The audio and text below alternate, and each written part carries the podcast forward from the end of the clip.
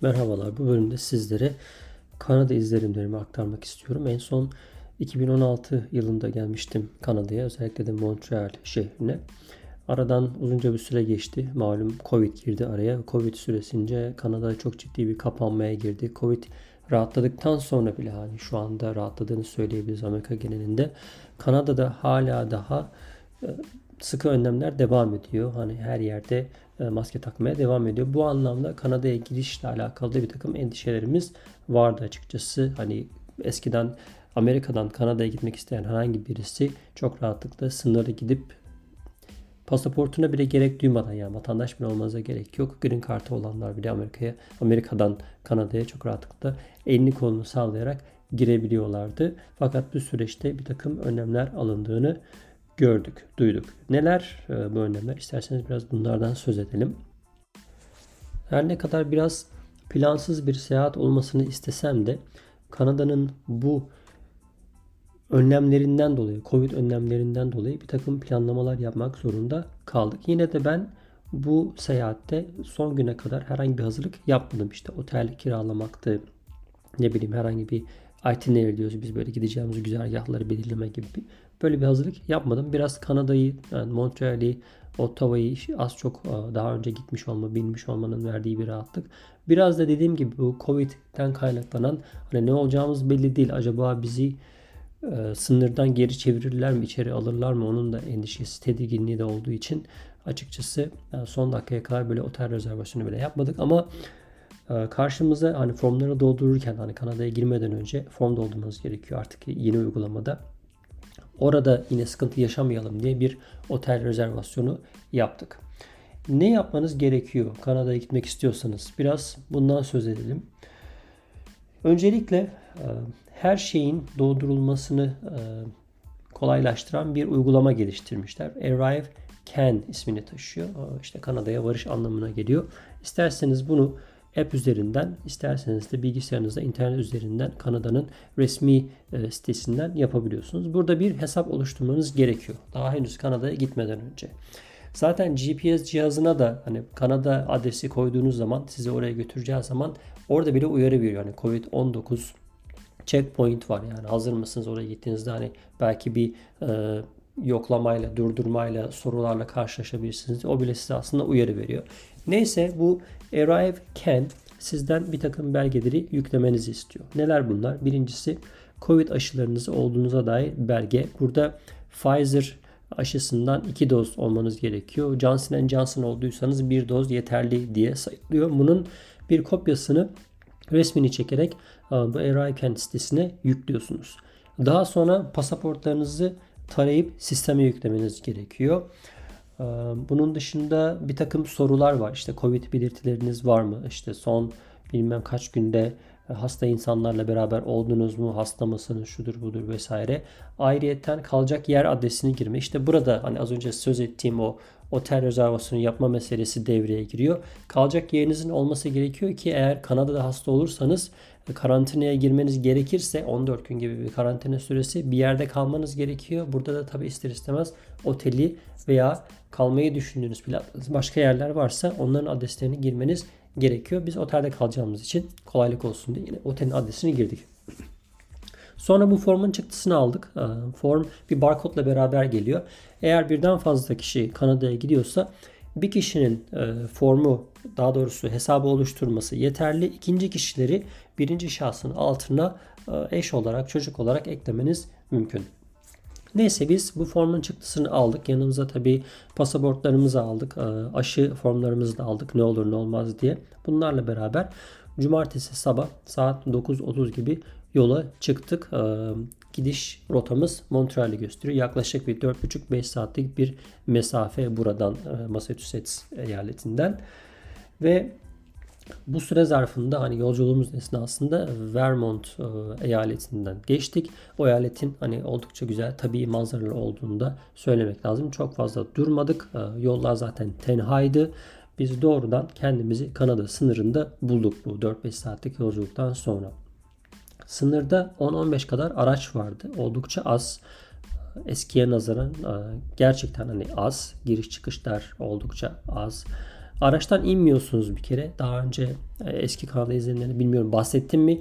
Ama Kanada'ya giriş çıkışlar ABD'den olsun, direkt Kanada'dan olsun oldukça kolay. Aracın içinde duruyorsunuz. Hatta aracınızı arama bile yapmıyorlar. Görevli pasaportlarımızı sordu. Biz pasaportlarımızı uzattık. Ardından e, hani evde çıktı aldık formu vereyim mi diye sordum. Yok gerek yok ben pasaporttan bulurum dedi. Onun dışında bize nereye gideceğimizi sordu. Nerede kalacağımızı sordu. Biz de hemen GPS cihazında zaten telefonda yazıyordu otelin ismi. Yani nokta atışı olarak hani buraya gidiyoruz, burada kalacağız diye söyledik. Hani hangi amaçla gidiyorsunuz diye de sordu. Gezme, gezme amaçla gidiyoruz dedik. Hani birkaç günlüğüne böyle bir Kanada'yı gezip görelim. Uzunca bir zaman oldu Kanada'ya giremedik falan dedik. Arabanın arka e, pencerelerini aç dedi. Hani arkada kimse var mı diye. Koltuklarda oturan onu görmek istedi galiba. Onun dışında klasik işte arabanın içerisinde patlayıcı madde, silah vesaire var mı türünden sorularını sordu. Tabii e, bu soruları sorduktan sonra böyle bir 5 dakikalık bir e, e, zaman zarfında bütün işlemlerimiz bitti. Bize pasaportları geri verdi. Gidebilirsiniz dedi. Biz de Kanada sınırlarına doğru yol almaya başladık. Tabii Kanada'ya girince benzinimizin azaldığını fark ettik. Biz de dedik bir yerde duralım. Hem bir mola verelim hem de benzin alalım istedik. Orada Petro Kanada isimli bir benzinciye girdik. Ee, burada tabii girdiğimiz eyalet yani province diye geçiyor. Ee, Quebec eyaleti. Quebec'in Montreal şehri Quebec'e bağlı bir yer. Fransızca konuşulan bir bölge.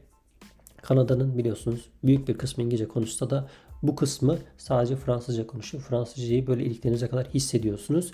Niçin? Çünkü Ontario eyaletinde e, hani bunu daha sonra da bahsedeceğiz. Her şey çift dilli. Yani tabelalar, işte trafik işaretleri vesaire her şey çift dilli ama Quebec'te Fransızca konuşulan bölgede hemen hemen her şey Fransızca dilinde. Her ne kadar insanlar İngilizce biliyorlar da olsa bazen İngilizce bilmeyen insanlarla karşılaşıyorsunuz. E, tabelaların çoğu e, Fransızca dilinde göstergeler çoğu Fransızca dilinde. Allah'tan benzin pompasında İngilizce seçeneğini koymuşlar ki böylelikle benzinimizi alabilelim. Ee, enteresan olan pompada hani her yerde böyle değildi. Orada 5 farklı kategoride benzin vardı. Oktan seviyesine göre diye ben hatırlıyorum. İşte 87, 89, 91, 93, 95 diye gidiyor. Ee, biz hani orta ölçekli bir 89 olandan alalım dedik. Ne olur ne olmaz bildiğimiz e, bir rakam gibi geldi bana. Onun dışında ücret olarak bu hesabı yapmak da oldukça biraz karışıktı. Litre ile çünkü satılıyor Kanada'da benzin. Amerika'da galonla satılıyor. Kanada'da litresine yani o girdiğimiz yerde 1.9 Kanada doları verdik. Ee, bazı yerlerde başka şehirlerde 1.6'ya kadar düştüğünü gördük hani benzin fiyatlarının. Toplamda 40.7 litre benzin doldurmuşum. Hani depo tamamen dolu tamamen boş değildi. O yüzden hani depo aslında daha fazla benzin oluyor. Bu da 77.66 cent Kanada dolarıyla tutmuş. Bu esnada hani bu hesapları yaptığımız esnada 1.9 Kanada doları 1.5 Amerikan dolarına eşit oluyor. Bu da e, neredeyse Amerika'da bizim 3.5 dolara galonlu doldurduğumuz ben şu anda bazı yerlerde 4 dolara kadar çıktı olan benzini Kanada'da Amerikan doları ile karşılığı olarak 5.6 dolara almış olduk gibi e, bir hesap oldu. Bu da tabii ki Kanada'da benzinin Amerika'dan daha fazla daha pahalı olduğunu e, bize göstermiş oldu hesap hesap yaptığımız zaman. Evet Kanada'ya girdik. E, malum her şey kilometre ile artık Kanada'da yollar kilometre ile metre cinsinden hesaplanıyor. GPS cihazımız da kafayı yedi bir ara kalan mesafeyi mil cinsinden söylüyor. Sonra kilometreye dönmeye başladı.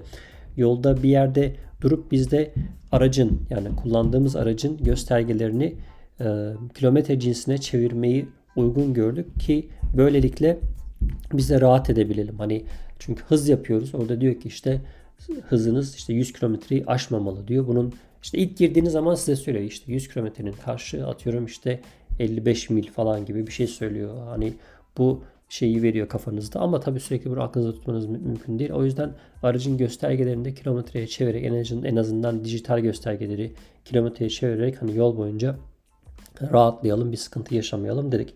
Kanada'ya girdik. Ee, Kanada'nın ilk girdiğimiz kısmı hani Montreal'e giden yollar oldukça tenha hatta çiftliklerle dolu araziler geniş, ıssız, kimselerin olmadığı e, böyle uzunca bir yol gidiyorsunuz. Uzunca bir süre yolculuk seyahat ediyorsunuz Montreal'e varana kadar.